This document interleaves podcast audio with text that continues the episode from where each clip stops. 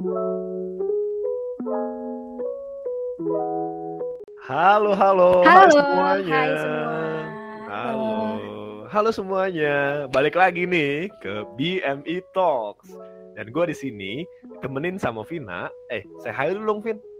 Halo, halo, halo Bang Joko. Halo, gue Vina. Eh, ini ngomong-ngomong nih, kayaknya Bang Joko pendatang baru nih, kayak belum pernah mampir nih sebelum-sebelumnya di podcast ini nih. Nah, itu dia. Sorry, sorry. Sebelumnya, kenalin. Gue itu host baru di sini. Dan nama gue itu Joshua.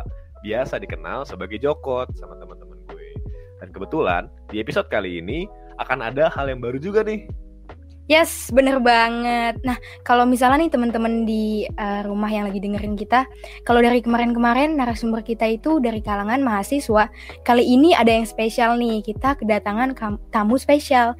Siapa sih kira-kira nih Bang Jokot? Ya, jadi di sini kita udah bersama dengan tamu spesial kita nih, Pak Rizal. Beliau merupakan salah satu dosen di Teknik Biomedik. Halo Pak Rizal. Hai Jokot, hai Vina, hai juga buat para pendengar BMT Talks. Halo Pak Rizal. Nah mungkin uh, buat teman-teman yang dengerin kita udah penasaran kan nih kira-kira apa sih yang mau dibahas di podcast kita kali ini? Nah, tanpa lama-lama, langsung aja kita mulai. Jangan lupa dengerin sampai akhir ya, karena nantinya bakal ada informasi-informasi sama berbagai macam inspirasi yang menarik dan juga bermanfaat buat kita semuanya.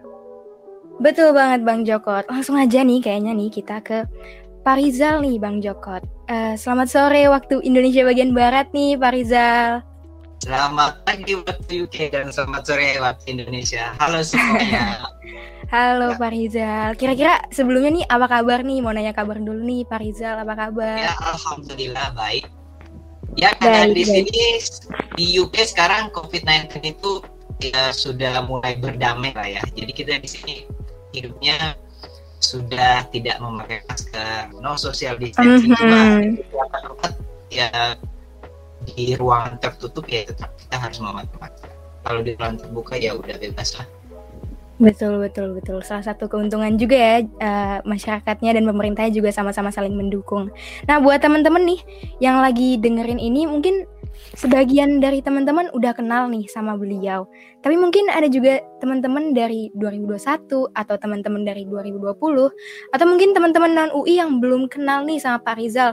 Mungkin aku persilakan dulu kali ya Pak Rizal untuk boleh berkenalan dengan teman-teman pendengar kita mungkin boleh kenalan mulai dari nama lengkap, terus kesibukannya lagi apa aja nih Pak Rizal, lagi ngambil S3 di mana, terus bidangnya tuh apa gitu Pak Rizal. Boleh silakan Pak Rizal. Oke, thank you Vina.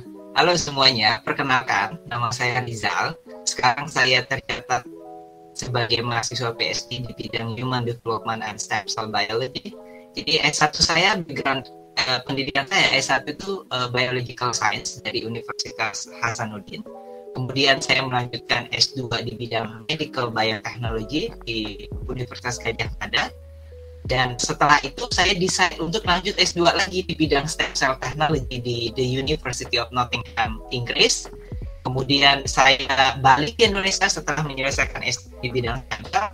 Kemudian eh, saya eh, mendaftar sebagai dosen tetap PNS di Universitas Indonesia khususnya di teknik biomedik dan keterima nih alhamdulillah kemudian tempat ngajar nih setahun dan setelah itu saya lanjut S3 di bidang eh, stem cell technology di kampus yang sama di eh, Universitas eh, Nottingham Inggris gitu. Oh alah, berarti Bapak nih sekarang sedang menuju untuk menyelesaikan S3 dan sebelumnya pernah jadi dosen nih di UI. Terus selama menjadi dosen di UI, Bapak pernah mengajar mata kuliah apa aja ya? ya mata kuliah yang saya itu banyak. Misalnya pengantar teknik biomedik. Nah di pengantar teknik biomedik itu saya lebih menerapkan ilmu molekular biologi seperti PCR nah kayak kayak corona sekarang kan ilmu PCR itu polymerase chain reaction itu sangat diperlukan tuh dan aplikasinya kemudian eh, tentang genetic engineering nih Nah, sebagai orang teknik biomedik juga harus tahu bagaimana sih merekayasa secara genetik. Kemudian eh, saya juga mengajar standar regulasi teknik biomedik. Nah, bagaimana nih alat-alat kesehatan ketika ingin diaplikasikan? Regulasinya seperti apa? Kemudian uh, biologi teknik, kemudian saya juga mengajar anatomi dan fisiologi manusia, etika teknik biomedik. Jadi kita juga belajar bagaimana sih uh, etika uh, uh, pengaplikasian uh, teknik biomedik di kehidupan sehari-hari. Kemudian ada mata kuliah yang sangat menarik yaitu TOPSUS, topik khusus uh, biomedik. Nah, di topik khusus biomedik ini saya mengajarkan tentang apa sih itu stem cell. Nah, kalau di bahasa Indonesia itu stem cell itu berupa sel punca. Sel punca itu apa? Nah, secara uh, umumnya sel punca itu adalah sel galau. Kenapa kita bilang sel galau? Karena dia nggak tahu mau jadi apa. Nah, karena sifat kegalauannya inilah yang kita manfaatkan kemudian kita arahkan dia untuk menjadi sel yang kita inginkan sehingga bisa diaplikasikan di dunia klinis. Oh wala, berarti stem cell itu adalah sebuah mata kuliah atau sebuah subjek yang sangat menarik ya Pak kalau misalnya di teknik biomedik ya? Iya, sangat. Wah, dan dan itu dipelajarin tadi di topik khusus biomedik. Nah, ya. kita mau nanya-nanya lebih lanjut nih Pak soal stem cell itu apa sih? Kayak menarik banget nih. Apa sih stem cell tadi sel galau itu apa? Dan prinsip kerjanya tuh kalau misalnya bisa dijelasin lebih detail lagi, lebih ke teknik-teknik biomedikan lagi gitu. Sama diambil dari mana, sama proses kayaknya kayak gimana dan cara pengaplikasiannya tuh kayak gimana Pak? Boleh tolong dijelasin Pak. Oke, okay. jadi stem cell atau bahasa Indonesia sel punca itu sendiri adalah sel di mana karakteristik utamanya itu ada dua. Yang pertama adalah self renewal. Berarti dia bisa melakukan proses literasi yang uh, cepat seperti sel cancer ya. Jadi dia memiliki kemampuan self renewal. Yang kedua punya kemampuan diferensiasi. Nah kita bisa mendiferensiasi, mengubah fate mengubah nasib dari uh, stem sel ini atau sel kunci ini menjadi sel yang kita inginkan. Nah, itu tergantung dari sumbernya. Nah, misalnya nih, kalau kita ngambil sumbernya dari uh, adult tisu atau jaringan yang sudah dewasa. Nah, kebanyakan uh, jaringan yang sudah dewasa itu atau tisu itu uh, sebagai sumber dari sel yang sifatnya multipoten. Artinya dia hanya bisa berdiferensiasi atau bisa mengubah nasibnya menjadi uh, beberapa jenis sel. Contohnya mesenchymal stem cell atau sel punca mesenkim ya, yang sifatnya multipoten. Nah, kemudian yang lain yang sifatnya pluripoten. Nah, sifat, uh, sifat dari pluripoten ini misalnya embryonic stem cell. Nah, sumbernya dari mana sih embryonic stem cell? Nah, namanya aja embrio, ya berarti berasal dari janin. Nah, kemudian yang memiliki sifat yang sama seperti embryonic stem cell apa sih? Nah, contohnya adalah pluripotent stem cell atau indus pluripotent stem cell. Nah, ada kata-kata indus di depannya. Nah, kita harus mengembalikan dari adult tissue atau sel-sel yang sudah dewasa menjadi stem cell atau sel punca dengan menggunakan yang namanya prinsip rekayasa genetika atau genetic engineering. Nah, uh, di dunia sekarang yang paling banyak digunakan ya dua jenis stem cell ini yang sifatnya multipoten maupun yang sifatnya pluripoten. Nah, kemudian buat aplikasinya. Nah, kalau kita berpikir aplikasi, sebenarnya stem cell bisa dibilang adalah um, apa ya obat zaman abad 21 lah ya. Jadi segala sesuatunya kita bisa menggunakan stem cell untuk uh, clinical application. Nah, contohnya buat apa nih? Nah, banyak.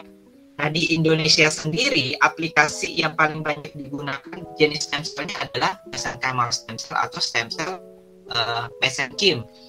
Jadi di uh, rumah sakit Cipto Mangunkusumo, dia sudah memperbanyak uh, si mesenchymal stem cell ini atau stem cell uh, sel punca mesenkim ini untuk pengobatan osteoartritis. Uh, osteoartritis. Jadi untuk grade yang sudah kayak levelnya udah tinggi kayak level 3 level 4 itu bisa uh, memakai uh, stem cell mesenchyme untuk uh, mengobati penyakit-penyakit osteoartritis. Gitu. Nah, sumbernya dari mana nih yang uh, mesenchyme stem cell yang untuk OA? Nah, kebanyakan itu diambil dari uh, kita bilangnya adalah uh, sampah dalam tanda kutip ya jadi kalau misalnya orang yang uh, melakukan liposuction uh, itu kan ada bagian lemak nah bagian lemak ini adalah merupakan salah satu sumber dari uh, mesenchymal stem cell atau sel punca mesenkimnya itu diekstraksi kemudian diambil dan diperbanyak um, stem cell uh, stem cell mesenkimnya kemudian dilakukan proses modifikasi, karakterisasi, kemudian diperbanyak proliferasi, setelah itu baru diinjeksikan ke pasien.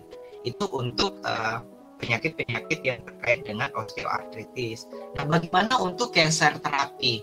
Nah, untuk cancer terapi sendiri, uh, stem cell uh, messenger ini sebenarnya jadi dia sel ini mengeluarkan yang namanya uh, anti-inflamasi nih. Jadi kita sebutnya adalah sekrotom karena dia disekresikan dikeluarkan dari uh, sel punca mesenchyme ini. Nah, sekrotom ini yang sifatnya anti-inflamasi itu bisa dipakai untuk uh, uh, mengobati penyakit-penyakit seperti kanker yang uh, kaitannya dengan inflammation. Kemudian apalagi ya?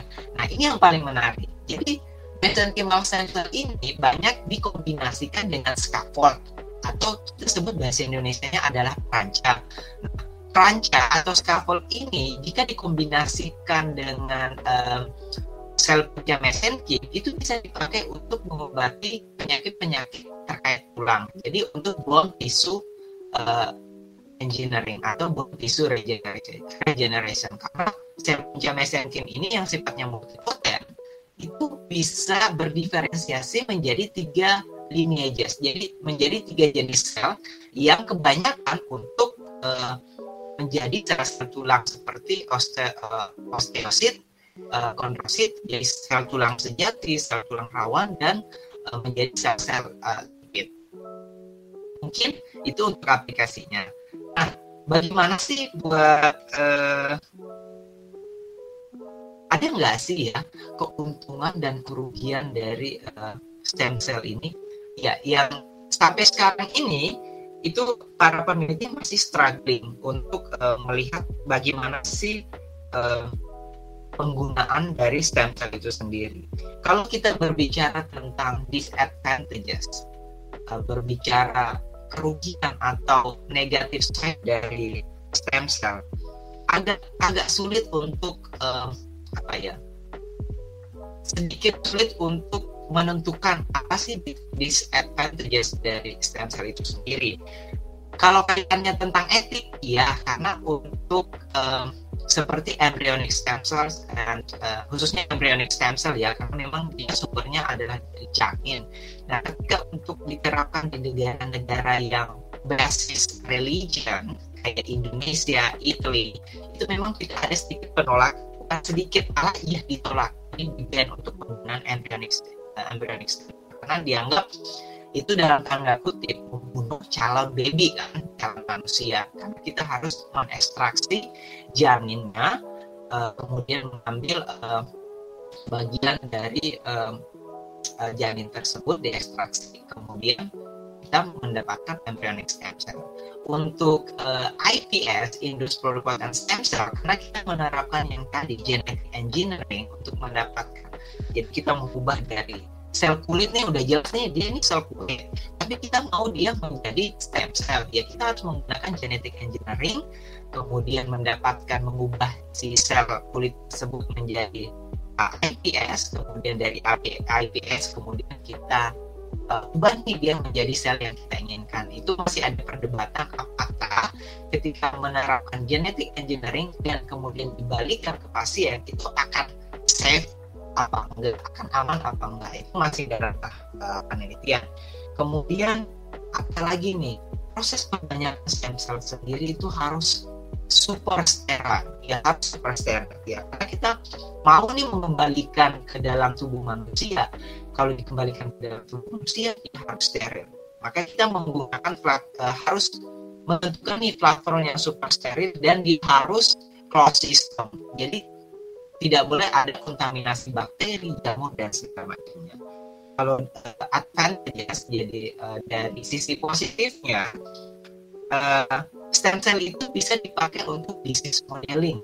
Nah, disease modeling sendiri karena kebanyakan sekarang orang menggunakan animal model. Kebayang dong ya, kalau kalian menggunakan animal model, kalian harus mengembangkan menjadi korbanin apalagi nih, uh, kelinci, korbanin kambing, kan kasihan. Nah, jadi perikehewanannya itu harus dipakai di sini.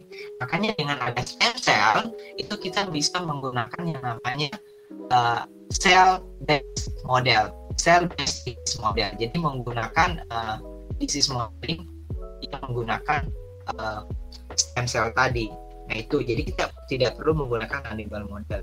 Yang kedua uh, keuntungannya adalah ketika kalian menggunakan mesenchymal stem cell, karena mesenchymal stem cell itu tidak dikenali oleh sistem imun kita. Jadi ada molekul yang tidak diekspresikan di mesenchymal stem cell yang tidak dikenali oleh sistem imun oleh uh, sel-sel imun kita. Jadi dia tidak tidak ada namanya imun rejection ketika kalian memasukkan ke dalam pasien. Baik itu jadi ada dua term yang digunakan. Ada namanya autologous dan namanya uh, uh, autologous itu yang dari pasien ke pasien. Kemudian yang kedua ada namanya allograft. Allograft itu dari satu pasien ke pasien yang lain ya. Jadi uh, bagusnya yang mana nih? Kalau saya sih dua-duanya bagus, tapi kalau bisa stem itu diambil dari pasien itu sendiri, kemudian diperbanyak dan di, dikembalikan ke ke pasien yang sumber stem dari mana. Jadi untuk mengurangi uh, imun rejection walaupun sebenarnya pemakaian MSC sendiri stem cell itu sendiri tidak ada imun rejection. Kemudian uh, kita memanfaatkan kemampuan diferensiasi dari cell itu sendiri. Jadi itu mungkin uh, sedikit keuntungan dan kerugian uh, atau kendala yang dihadapi dalam penggunaan atau pengaplikasian stem cell ke depannya. Ya, Tina, cukup. Oke, okay. wah uh, tadi uh, cukup informatif banget ya buat uh, teman-teman yang dengar. Jadi uh, secara garis besar uh, stem cell ini uh, lebih banyak uh, fokusannya digunakan pada bidang uh, pengobatan ya regenerasi, terus bisa juga modeling tadi uh, dan juga merupakan suatu kelebihan dari stem cell karena stem cell ini tidak menyebabkan imun rejection ya kalau nggak salah Pak Rizal. Ya, benar.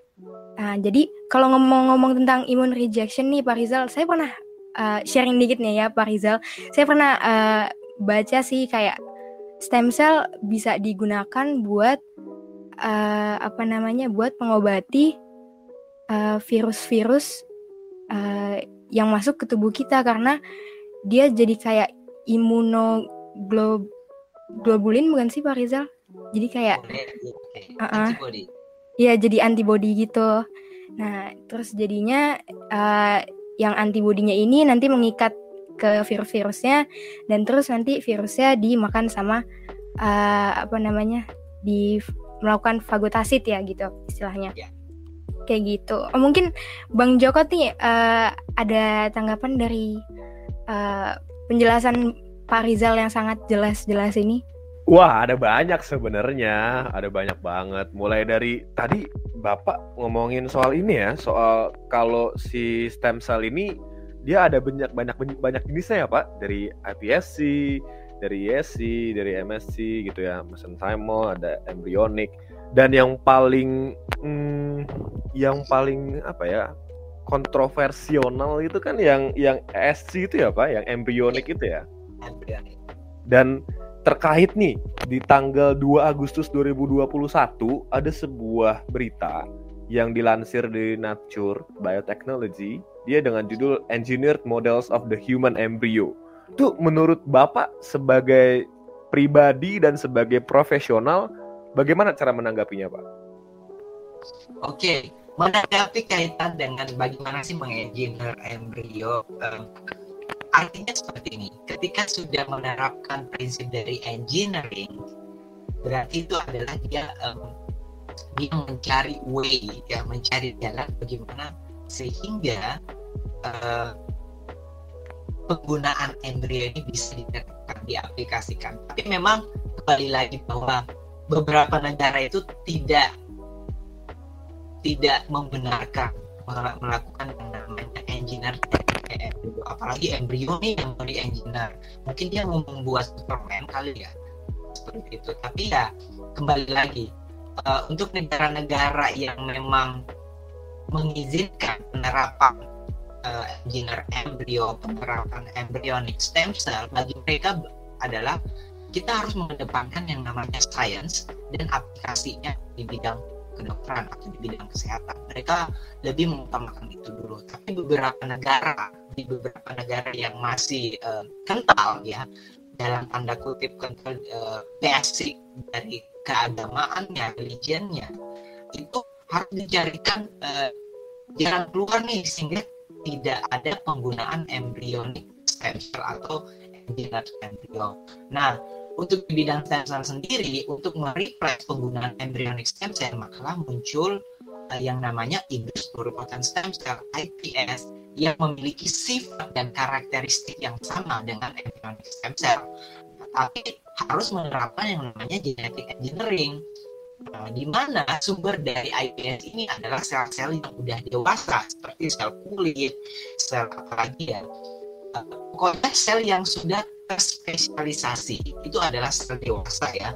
Kemudian kita akan mengembalikan nasibnya menjadi stem cell dengan menggunakan prinsip genetik engineering tadi. Nah, setelah kita mengkarakterisasi dan mendapatkan yang namanya IPS-nya, nah baru nih kita bisa melakukan proses yang namanya diferensiasi ke sel yang kita inginkan seperti itu. Nah, kemudian yang paling hot-hotnya sekarang lagi corona ya. Jadi orang lagi uh, mencari nih apa sih obat dari corona ini. Nah, salah satunya adalah penggunaan dari um, mesenchymal stem cell.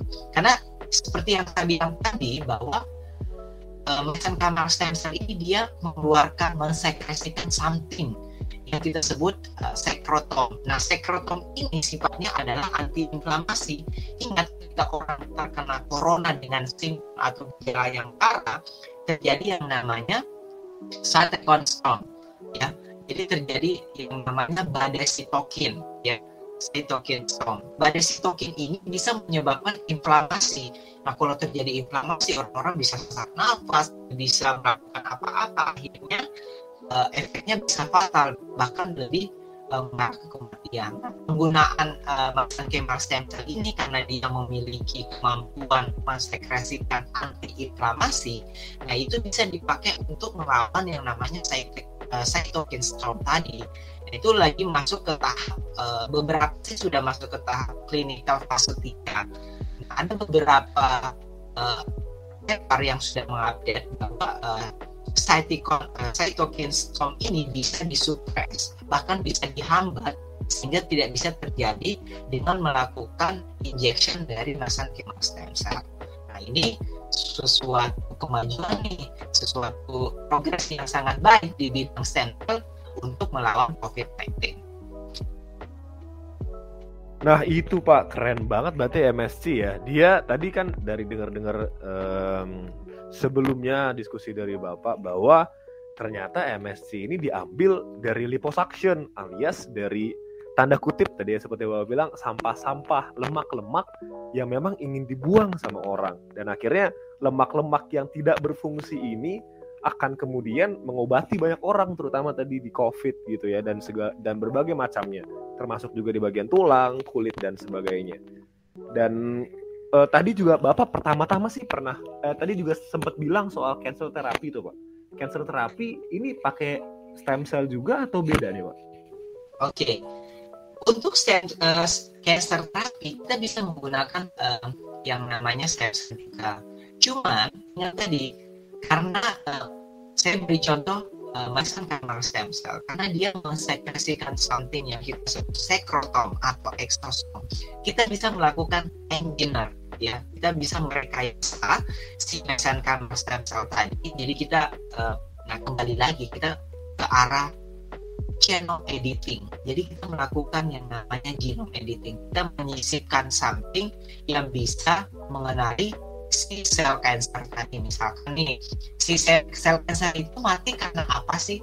Otomatis sel cancer itu itu sebenarnya ketika seseorang atau pasien terkena kanker sel imunnya itu sebenarnya bekerja untuk melawan si sel-sel yang proliferasinya ini tidak terkendali. Cuma karena proses proliferasi yang terlalu cepat dan kita kekurangan bala tentara ya dalam hal ini adalah sel imun makanya si sel imun itu tidak bisa melawan.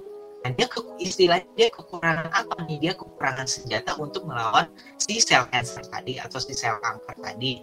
Nah dengan kita uh, melakukan rekayasa genetika terhadap uh, sel mesenkim sel punca mesenkim tadi misalnya kita memasukkan uh, apa ya sehingga si sel sel punca mesenkim ini bisa mengeluarkan senjata-senjata yang dibutuhkan untuk melawan sel kanker.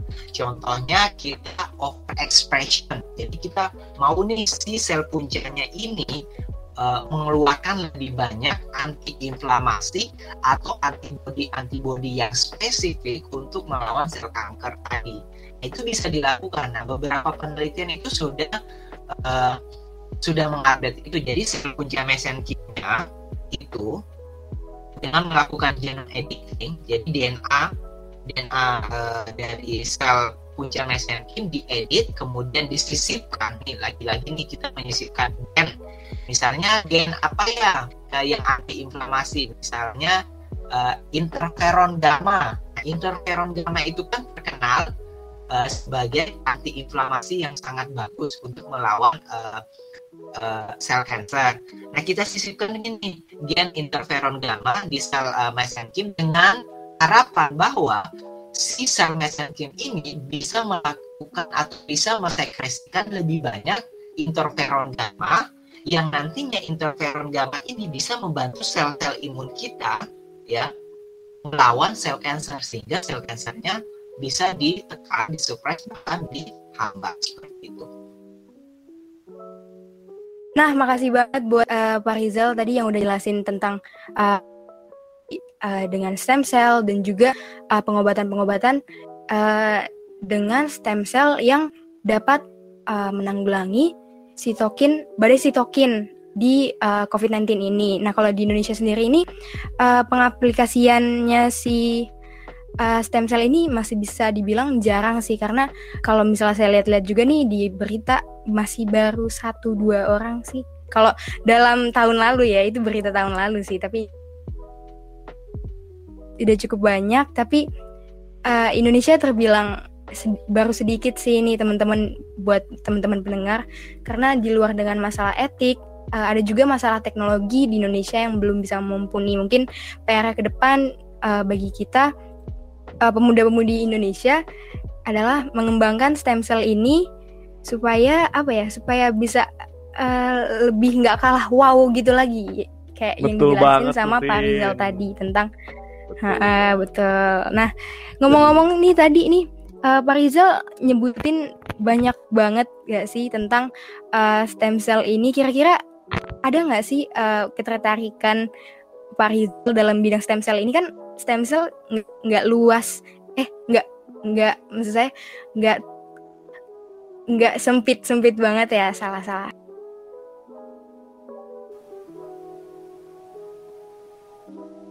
Iya, ya buat Tina sama Joko dan uh, dengan BMI ya. Jadi sebenarnya aplikasi stem ini sangat luas ya, bisa diterapkan di bidang mana pun.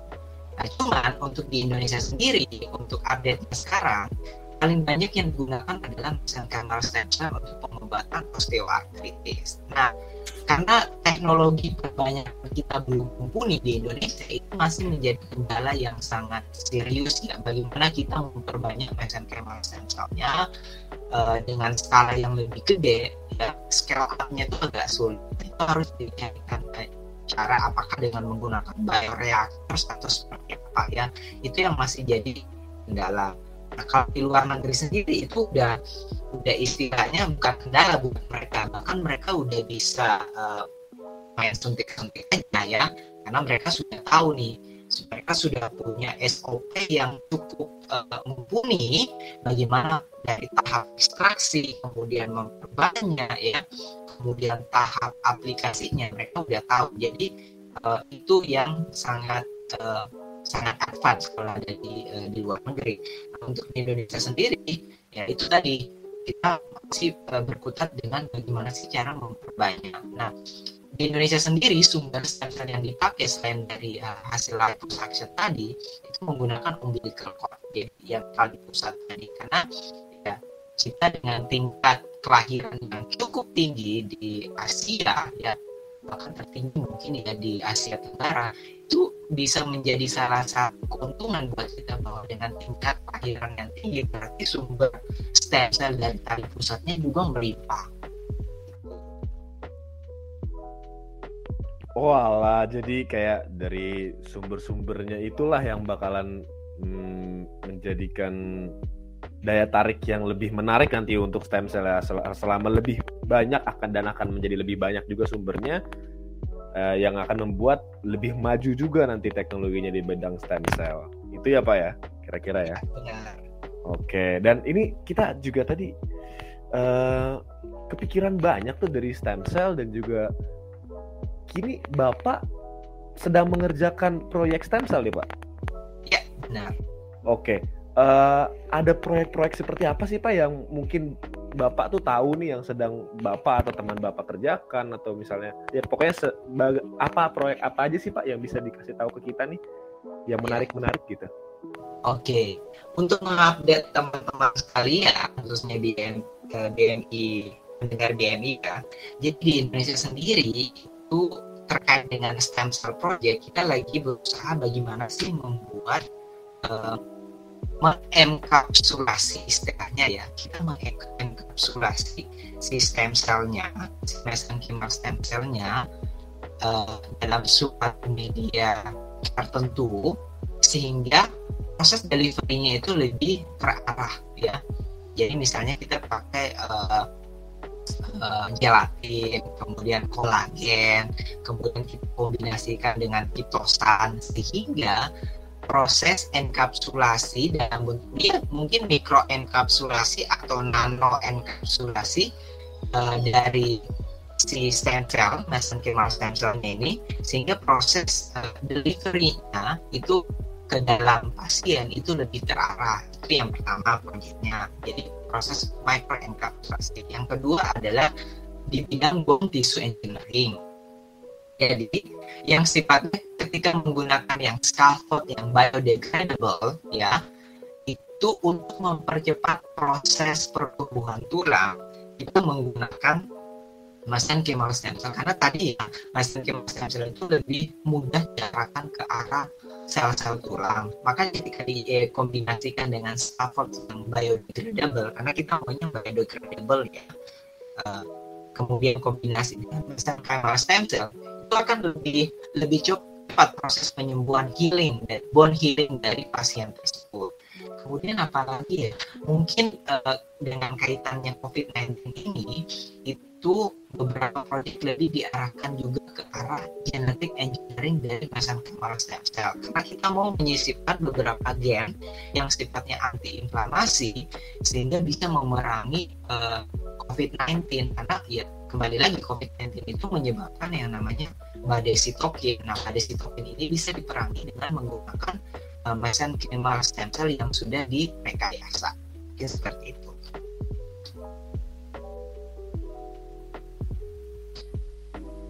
Ya, Kina, Yoko. Hmm, gitu.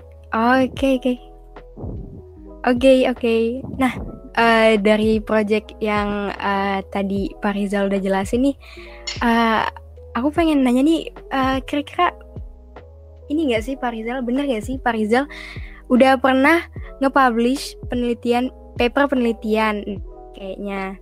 Nah, uh, aku pengen nanya nih, kira-kira apa sih uh, topik bahasan yang uh, papernya nih Pak Rizal publish ini? Oke. Okay. Tentang apa sih?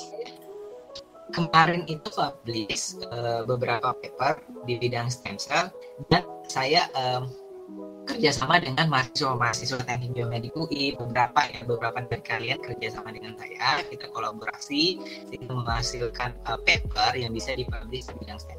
Nah kebanyakan itu paper-paper uh, terkait mesenchymal stem cell. Jadi uh, gimana proses ekstraksi karakterisasi dari uh, mesenchymal stem cell yang sumbernya itu berasal dari tali pusat atau umbilical cord.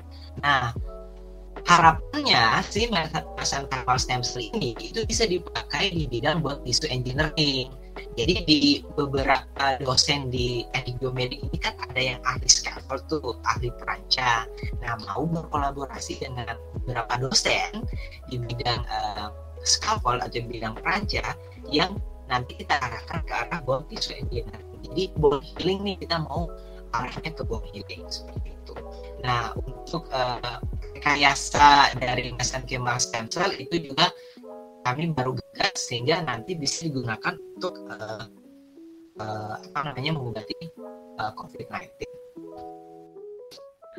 Oh iya tuh Pak, saya tuh Pak termasuk mahasiswa yang ngambil di bidang itu Pak stem cell buat scaffold tuh Pak dengan uh, kalau misalnya ada teknik biomedik di sini yang tahu dan dosen kita yang lain juga namanya Bu Siti tuh Bu Siti tuh Pak yang dia juga ahli scaffold juga dan juga mengajari banyak tentang scaffold juga dan juga stem cell engineering seperti Bapak juga Pak.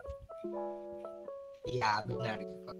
Iya, wah berarti keren banget nih Pak semua materi yang udah dibawain Pak Rizal mulai dari awal tadi Bapak juga perkenalan dari dosen setelah jadi dosen juga mengajar sampai berapa tadi ya? Ada enam enam mata kuliah yang bapak ajarin gitu. Ada pengantar teknik ada juga standar regulasi ada biologi teknik ada anatomi fisiologi ada etika teknik sama topik khusus biomedik tadi yang didalamin sampai ada stem cell ada cancer terapi ada tadi juga stem cell macam-macam stem cellnya dan juga ada advantage-nya mulai dari dia advance sekali mulai juga um, banyak sekali dampak yang bisa dibawa oleh stem cell kepada bidang engineering dan juga medical termasuk juga sekarang-sekarang ini buat covid dan juga buat mungkin ada teman-teman atau mungkin juga ada um, kenalan teman-teman yang punya penyakit-penyakit tulang bisa juga nih mungkin ke depannya kita bakal punya obat yang sangat canggih. Tadi seperti bawa bilang tuh ada obat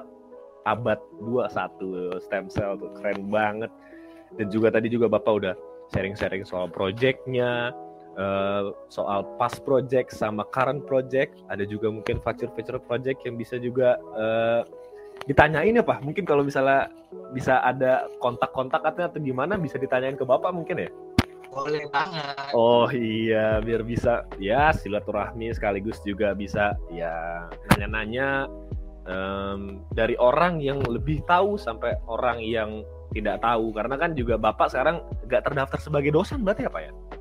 Saya masih terdaftar sebagai dosen tapi oh. uh, karena tugas belajar jadi tidak bisa mengajar dulu jadi harus fokus nih ke PSI-nya ke hmm. dokter studinya.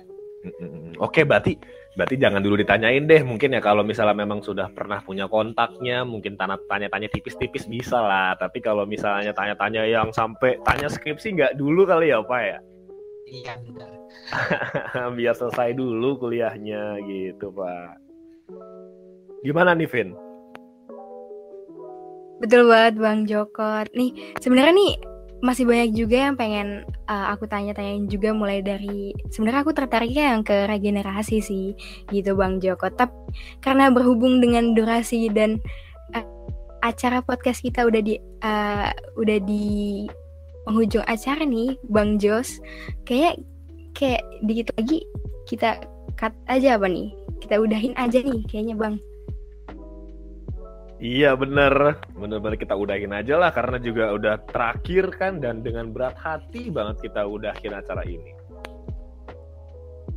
Iya betul banget, terima kasih sebanyak-banyaknya buat uh, Pak Rizal yang udah nyempetin datang podcast kita, main-main ke podcast kita, berkunjung ke podcast kita, dan makasih uh, atas materi-materi dan informasi yang udah diberikan buat kita dan pendengar-pendengar di rumah.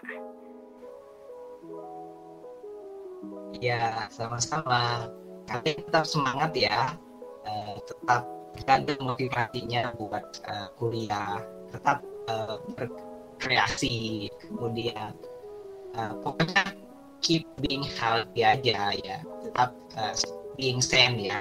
Pokoknya uh, saya tahu uh, di era COVID-19 ini ya semuanya bisa terjadi. Tapi ya di bawah santai aja. Intinya jaga sistem imunnya sehingga tetap stabil sehingga tetap happy jadi bisa tetap beraktivitas dan berkreasi ke depannya Terima kasih banyak Pak Rizal buat semuanya. Tadi aduh keren banget dah obat yang sekarang ada nih obat abad 21 ini yang marak-maraknya ada dan diambil sama Pak Rizal. Dan sebagai penutup nih, gue Jokot. Gue Vina. Eh, jangan lupa ya buat follow IG ASBUI dan podcast di DMI Talks kita. Pantengin terus juga podcast kita selanjut-selanjutnya. Oh Pak Rizal, mungkin bisa kali Pak ada part 2 nanti Pak? Boleh, bisa, bisa banget. Oke deh, ditunggu ya semuanya yang mendengar-pendengar BMI Talks. Kita akan lanjut di sesi berikutnya. Dadah, see you. See you. Bye-bye. Bye. Kasih. Thank you.